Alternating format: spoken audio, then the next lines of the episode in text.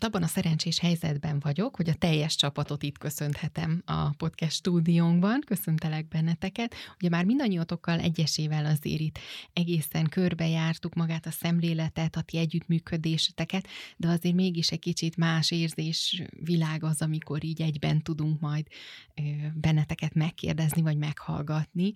Hogyan tartjátok egyben a csapatot? Kell. Egyben kell tartani? Hát nem, nem tudom, hogy van-e ilyen feladat. Tehát, hogy lehet, hogy benne marad, lehet, hogy nem, de itt ugye volt egy hatásszünet részünkről, és senki nem szólalt meg, és nem biztos, hogy azért nem szólalt meg, mert nem akar megszólalni, hanem lehet, hogy nincsen tevékenység amit végre kéne hajtani, hogy egyben maradjon a csapat. Én azt gondolom, hogy én annyira szeretek velük lenni, hogy amikor nincs is annyira dolgom, azért így berohanok mondjuk az irodába, vagy hajlandó vagyok felkelni hajnalba és beutazni a világ végéről, hogy, hogy ott lehessek. Mert maga az, hogy dolgozunk, hogy kávézunk, hogy jön valami izé, akkor gyorsan csinálunk rá egy szervezetállítást, akkor úristen, ebédeljünk valamit, hogy így tök jó együtt lenni. Tehát ez egy inspiráló, izgalmas, mindennel együtt egy nagyon jó alapvetően. Tehát, hogy nem tartjuk egyben a csapatot. Mert egyben van.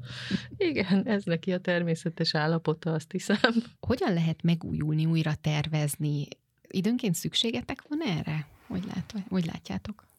Én azt gondolom, hogy mivel alapvetően nem tervezünk nagyon hosszú távra, hanem ezt a 90 napos tervezést csináljuk, tehát egy ilyen belátható három hónapon belüli dolgokat látunk elsősorban magunk előtt. Ez azért segít abban, hogy, hogy ezt a Sense and Respond működést kövessük, és azért inkább az van, hogy van egy nagyon nagy figyelem és tudatosság abban, hogy érzékeljük, hogy körülöttünk hogyan változik a világ, milyen igények jönnek, mennek, és hogy próbálunk egyrészt az szerint működni, és ahhoz alkalmazkodni, és ez, ez ad egy akkora rugalmasságot, hogy ez gyorsan gyorsan meg tudjon történni, és vannak olyanok, amikor nagyon nagy lelkesen elkezdjük ezt a 90 napos tervezést, és tök jó ötleteink vannak, és nagyon beléjük szeretünk, és valahogy ezek így lecsengenek, ahogy telik az idő, és akkor egyszerűen valahogy nem úgy jönnek össze a dolgok, tehát hogy eltervezzük, hogy így lesz, akkor valakitől kérünk valamire mondjuk egy ajánlatot, és akkor az egyszerűen nem érkezik meg. És valahogy így nem az van, hogy ezzel jár egy ilyen bosszúság, hogy úristen, hogy ő mennyire nem csinálja jól a feladatát, és hogy nem kaptuk meg ezt az ajánlatot, hanem inkább akkor az van, hogy egy elfogadás, hogy rendben van, akkor nem ez az irány. Akkor nézzünk meg, hogy mi az, ami viszont működik, ahol viszont így könnyeden megjönnek a mankók, a segítségek, a, az intuíció alapján így valahogy megpróbálunk elindulni, és valahogy a világ behol hozza az eszközöket, és akkor, amikor így minden olyan könnyen, gördülékenyen megy, akkor tudjuk, hogy na, akkor az egy jó irány, és akkor lehet, hogy inkább abba az irányba, sőt, akkor abba az irányba kell tennünk a fókuszt. Azért így elfáradni mi is szoktunk, és akkor szoktuk azt mondani, hogy jó, akkor most elég volt gyerekek, menjünk el egy hét szabadságra, és akkor itt teljesen adhok egy délután eldöntjük, és elmegyünk szabadságra. Tehát azért ebben a figyelemben el lehet fáradni, most nagyon sok a változás, nagyon kell figyelnünk, viszont az is jó, hogy egymásra is figyelünk, és amikor így kiszagoljuk, hogy valakinek már mindeneki van, akkor a többiek is rájönnek, hogy nekik is, és akkor így nagyon könnyű valamilyen pihenésbe menni, de próbálunk így kitalálni egy-egy programot is, hogy akkor kimegyünk, és sétálunk, és eszünk együtt egy valamit, vagy most csak így lógunk, és röhögcsélünk az irodában, tehát, hogy így azért valamilyen rekreációra szükség van. Ez már-már csapatépítés. Szoktatok kifejezetten dedikáltan ilyen programokat szervezni? Nem. Én most így egy meghívást azt így eszközöltem a kollégáknak, hogy hogy el lehetne jönni hozzánk, meg meg így beszélgetünk arról, hogy lógjunk már egy kicsit a ligetben, és menjünk ki a pántlikába, mert az úgyis közel van, és a fűvön ülve piknikezzünk, de hogy az egész életünk egy ilyen nagy csapatépítés, mert hogy nem válik el a munka, meg mi, és hogy mindaz, amit csinálunk, annak annyi közös öröme, meg tanulási alkalma van, hogy szerintem ez, hát jó lenne elmenni, bulizni, meg utazni, meg szóval, hogy így együtt jól időt tölteni, inkább, mint a csapatépítést, hogy az úgy is van folyton. Mit lát belőletek a külvilág? Hogy milyen közösség vagy? Hát biztos fúri egy kicsit. Én azt gondolom, hogy talán azt, hogy azért így összedolgozunk, és elég gyorsan. Tehát most volt egy ügyfélprojekt, ahol kreatív anyagokat is kellett csinálni, és hogy annyira könnyű volt, hogy így menjen ez, hogy kivel kommunikál valaki tőlünk, az abból a szempontból tök mindegy, mert ugyanazt a figyelmet, meg elköteleződést fogja kapni, meg abszolút elszántságot, hogy hogy jó legyen az a dolog. Hogyan adtok egymásnak visszajelzést? Azt szerintem nagyon fontos, hogy ha, ha valami probléma felmerül, akkor azt most már azonnal mondjuk egymásnak. Tehát pont Zsuzsával volt egy ilyen, nem nevezném konfliktusnak, mert egyáltalán nem volt sem semmi agresszió, se rossz indulat, tehát semmi ilyesmi nem volt a beszélgetésben, csak jelezte, hogy éjszaka felriadt, hogy ő haragszik rám. És akkor gondolkodott, hogy de hát miért haragszom rá? És akkor rájött, hogy azért, mert Abszolút így van, volt egy olyan feladatom, ami így véletlenül leesett. Beszívta a fekete lyuk, és való igaz, hogy nem csináltam meg, és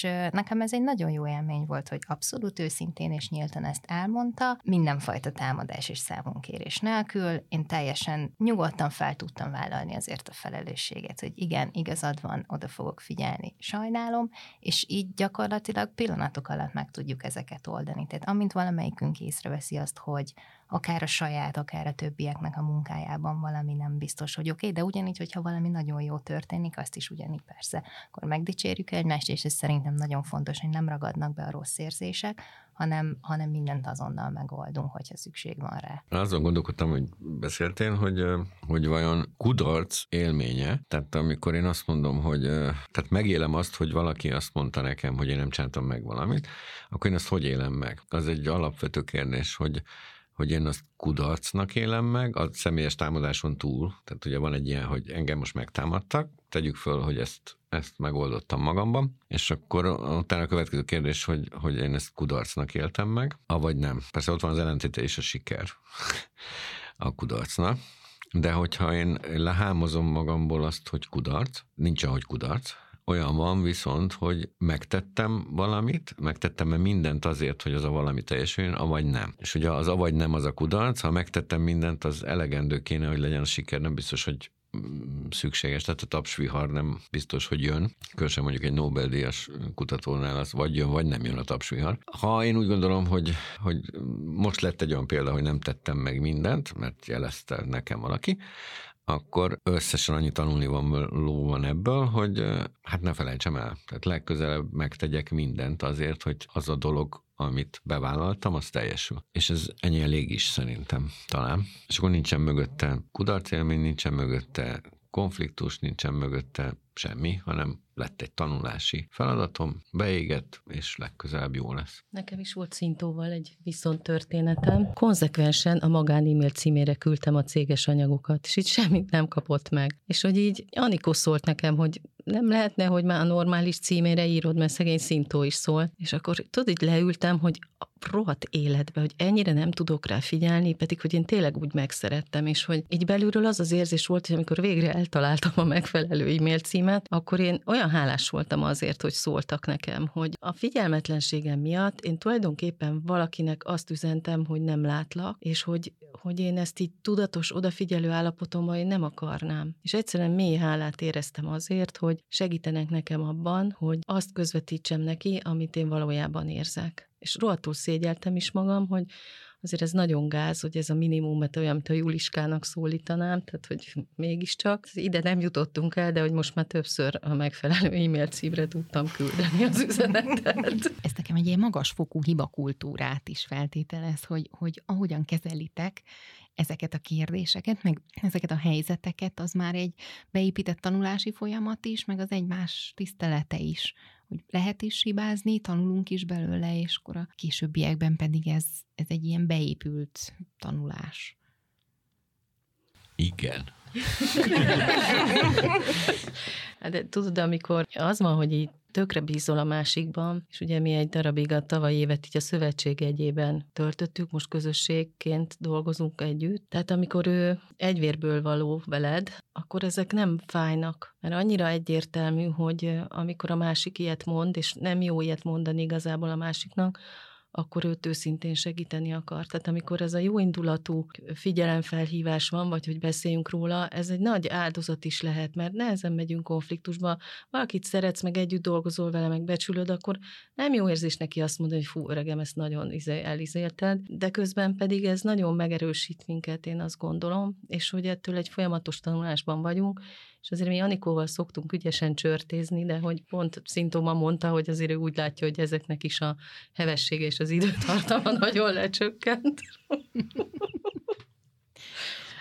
Hogy néz ki nálatok ez a sokat emlegetett 90 napos tervezés? Annyi mindenkinél előkerült, hogy ezt hogy képzeljük el? Ez, ez általában úgy szokott kinézni, hogy ülünk az irodában, és akkor egyszer csak azt mondja, hogy gyerekek rá kéne nézni arra az elmúlt 90 napra, és most már így nézegetem az órámat, lassan ideje lenne annak, hogy a következő 90 napot is összerakjuk, és akkor jól kijelölünk erre egy napot, megérkezünk, mindenki csinál magának egy kávét, tehát megbeszéljük, hogy mindenki oké-e, és általában ezeket felragasztjuk flipchart lapokkal a falra, és az előzőt azt mindig kint hagyjuk, és akkor utána állunk fölötte, és tételesen végigmegyünk rajta, hogy akkor ezekkel, amiket az első, az előző etapban felírtunk, azokkal mi történt, és mi az, ami nem baj, hogy kikerült, mert igazából ez most nem aktuális, vagy nincs itt az ideje, vagy nem fontos, illetve mi az, ami mondjuk fontos lett volna, de nem tolt raktunk bele elég energiát, vagy nem töltöttünk vele elég időt, és igazából ezek mentén megnézzük, hogy miben vagyunk most, milyen kilátásokat látunk most, milyen lehetőségeket, és utána így tételesen összeírjuk. Tehát ez egy tök egyszerű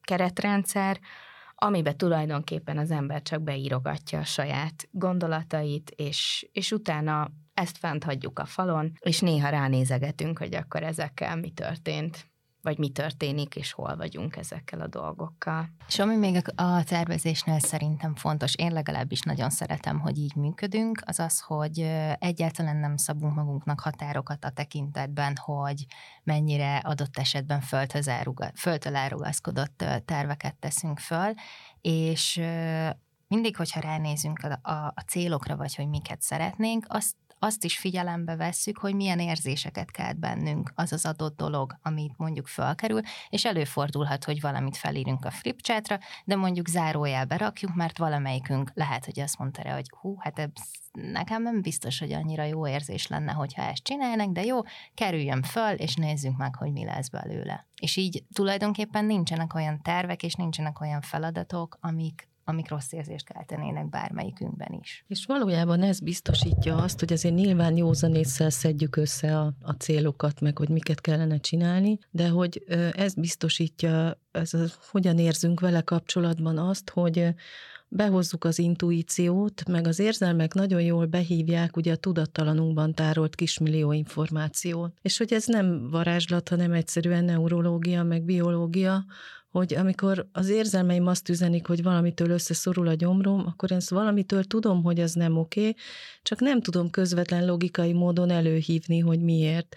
De hogy nekünk ez nagyon sokszor bebizonyosodott, hogy ahol gyomorszorító érzés van, arra nem kell menni, és hogy ahol megnyílnak értelmes utak, akkor nyugodtan oda fele, és így mondtunk vissza nagy tendert is, és nem bántuk meg. Jött helyette másik olyan feladat, amiben mi jobbak voltunk, és azt gondolom, hogy abban a tenderben, akik nyertek, ők voltak oda a legjobb választás, és mi nem zavartuk ott meg a vizeket. Mennyi időt töltetek önismerettel, önreflexióval, együtt, vagy akár külön-külön is? Rengeteget. Szerintem ez, ezt nem lehet megkerülni. Tehát az embernek muszáj ezt az őszinteséget és bizalmat saját magával elsősorban, saját magával szemben tanúsítani, és hogyha ezt nem tudom megtenni, akkor nagyon nehéz ugye ezt kifelé működtetni. Én azt gondolom, hogy mi mindig is baromi nyitottak és támogatóak voltunk azzal, hogyha valaki azt mondta, hogy figyeljetek, én most magammal is szeretnék valamilyen terápiás módszerrel elmenni, és hogy ez nálunk ez nálunk alapvetés volt, hogy persze, és hogyha a munkaidőben kapsz időpontot a pszichológushoz, mert éppen oda szeretnél menni, akkor, akkor menj, csináld, és, és ezeket az alkalmakat egyébként anyagilag is megtámogatta a cég. Én személy szerint most már tíz éve vagyok majdnem, hogy folyamatosan kisebb-nagyobb megszakításokkal valamilyen ilyen önismereti folyamatban, és nagyon-nagyon sokat segít. Tehát az embernek ezt a belső egyensúlynak a megtalálásában ez egyszerűen elengedhetetlen, és hogy a másik pedig szerintem az, hogy meg kell bocsájtanunk magunknak a saját hibáinkat, és hogy nem ezt a haragot elengedni meg, ezeket a dühöket saját magunkkal szemben, hanem egyszerűen álljunk meg a tükör előtt, és mondjuk azt, hogy ez vagyok én. De ha ezt csinálom, az a többieknek rossz. Tehát próbáljunk meg odafigyelni arra, hogy ezt mondjuk egy kicsit kevesebbet csináljam, mert egyébként ha neki rossz, nekem is rossz. És hogy erre nagyon oda kell figyelni, és én azt láttam a, a TIL konferencián is, amin most voltunk, hogy az összes nagy ilyen világ viszonylatban is neves, fajsúlyos vezetőnek ez alapvetés. Tehát, hogy ez nem kérdés, hogy igen, foglalkozom saját magammal, igen, fejlődöm én is, és azokat kérem az embereimtől, vagy akik velem akarnak dolgozni, hogy szimplán csinálják ugyanazokat a dolgokat, amiket én. És nagyon jó volt, hogy pont a Jost Blocknak, a Burcorgnak, a vezetőjének az előadását hallgatva mondta azt, hogy valaki megkérdezte, hogy és mi történik akkor, ha valaki hibázik? És akkor ő így visszakérdezett, hogy ez mit jelent, hogy valaki hibázik. És hogy igen, ennek a felismerése, hogy, hogy azért nagy tragédiák ideális esetben ugye nem történnek, tehát hogy nyilván most olyan helyzetekről beszélünk, hogy nem élethalál kérdése, de hogy aki, aki van önismeretben, és így el tudja fogadni saját magát, és egy objektív, szeretetteljes látásmódban van önmagával, az sokkal, de sokkal könnyebben, sőt az alapvetés onnantól kezdve, hogy a többi emberrel is úgy fog bánni.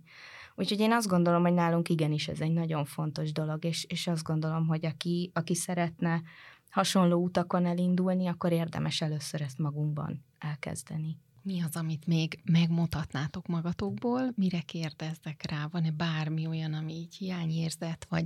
Hát, hogy azért milyen jó pofák vagyunk. Erre kérdezzek rá? Nem látszik, de úgy... Igen, vagy nem látszik, hogy ilyen nagyon izé, szent fazekak, nem? Igen. Szerintem az, hogy nem hahotáztuk végig, mert nyilván különálló volt, de, de hogy de azért... most, most.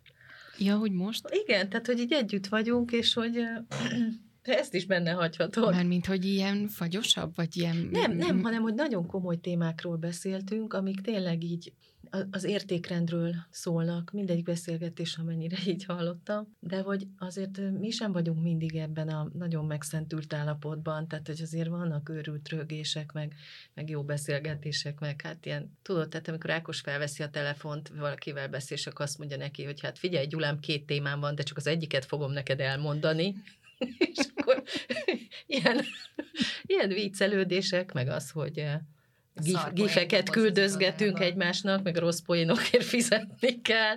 Tehát, hogy így, hogy nem tudom, hogy tudnánk megmutatni ezt, hogy azért van nálunk élet, nem csak ez a hogy lazultok, hogy a lazultok. Gif királynő. Gif királynő, halljuk. Igen, én azt gondolom, hogy valamilyen szinten ezt én hoztam be, így az Aquilonhoz. Én nagyon szeretek gifekkel kommunikálni, és bármikor, hogyha, tehát én bármire is tudok találni egy gifet 20 másodperc alatt, amit elküldök, és szerencsére erre a többiek vevők is, és már az IT-sunkat is megvidámítottam ilyen kis giffel, ami tényleg visszaért, hogy ezt nem hiszi el. Úgyhogy ezért így a mindennapjainkban folyamatosan próbálunk becsempészni olyan szórakoztató dolgokat, amivel tulajdonképpen munkaidőben is egy ilyen folyamatos lazaságot fent tudunk tartani, meg van bent az irodában egy kis fémdoboz, hogyha valaki egy nagyon szörnyű poént mond, akkor oda be kell fizetni egy bizonyos összeget, amit van. igen, megadóztatjuk a rossz poénokat, és akkor azt majd, azt majd egy ponton elköltjük valami jó kis bambira, vagy bármire. Tehát, hogy az azért nekünk fontos, meg a, a poénkodás egyébként a adott esetben a munkával kapcsolatos stresszesebb helyzeteket is tök jól tudja megoldani. Azért ugye nálunk van egy olyan aranyszabály, hogy az ügyfélről csak szépen beszélünk, és jól mindig mindenhol, de néha van szükségünk egy kis rossz májuskodásra, és akkor azért ennek van egy-két céltáblája, ahol egy kicsit kikomiszkodjunk magunkat, de csak így egymás között, jókat derülünk, és hát akkor így, meg, meg hát jönnek a sztorik, és akkor azért mesélgetünk vicces dolgokat, és hát ez nagyon kell, hogy így röhögcséljen az ember a többiekkel, tehát hogy így legyünk egy kicsit idétlen, szokott jönni a postás, és akkor vele szoktunk óriásiakat beszélgetni, ott kávéztatjuk, aztán így kacarászunk az ő sztoriain is, tehát hogy így, így zajlik ott az élet. Érdekes, hogy a postás az mindig jön, tehát hogy egy stabil cég, Az egy, társ, tényleg, jó, tényleg akár stabil. munkavállaló. É, tényleg, tényleg, tényleg. És egyébként ez igaz, tehát a postás ez lehet, hogy hasonlít egy picit a fodrászhoz is, tehát hogy onnan azért jönnek vissza érdesztorik, és tehát nem csak belül alakulnak vicces történetek, és hát ilyen csapatépítés, like megoldások, hanem, hanem el, el is jön hozzánk ez, a, ez a viccesség. Biciklin megérkezik. Igen, igen. Ez a kár lenne megszüntetni ezért ezt az offline, vagy nem is tudom, hogy milyen világot, de ez nem lenne jó, hogyha minden csak e-mailbe és SMS-be jönne. Úgyhogy a postás is szerves része az életünknek.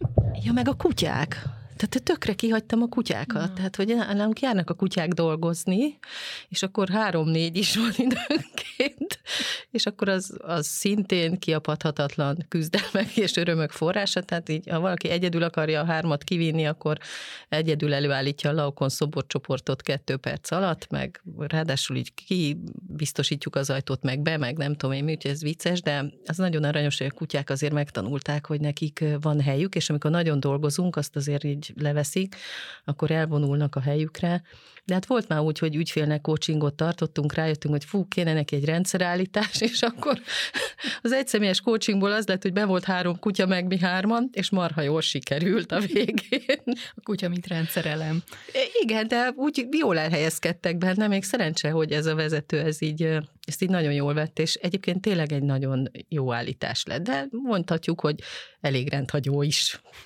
Én nagyon szépen köszönöm nektek itt a mindenféle tapasztalat megosztást, és azt, hogy beleláthattunk abba, hogy hogyan működtök.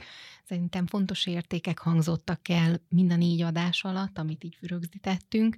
Én bízom benne, hogy ti is jól éreztétek itt magatokat, és köszönöm szépen, hogy itt voltatok. Köszönjük szépen. Mi köszönjük. Köszönjük. És tök jó volt. Köszönöm szépen.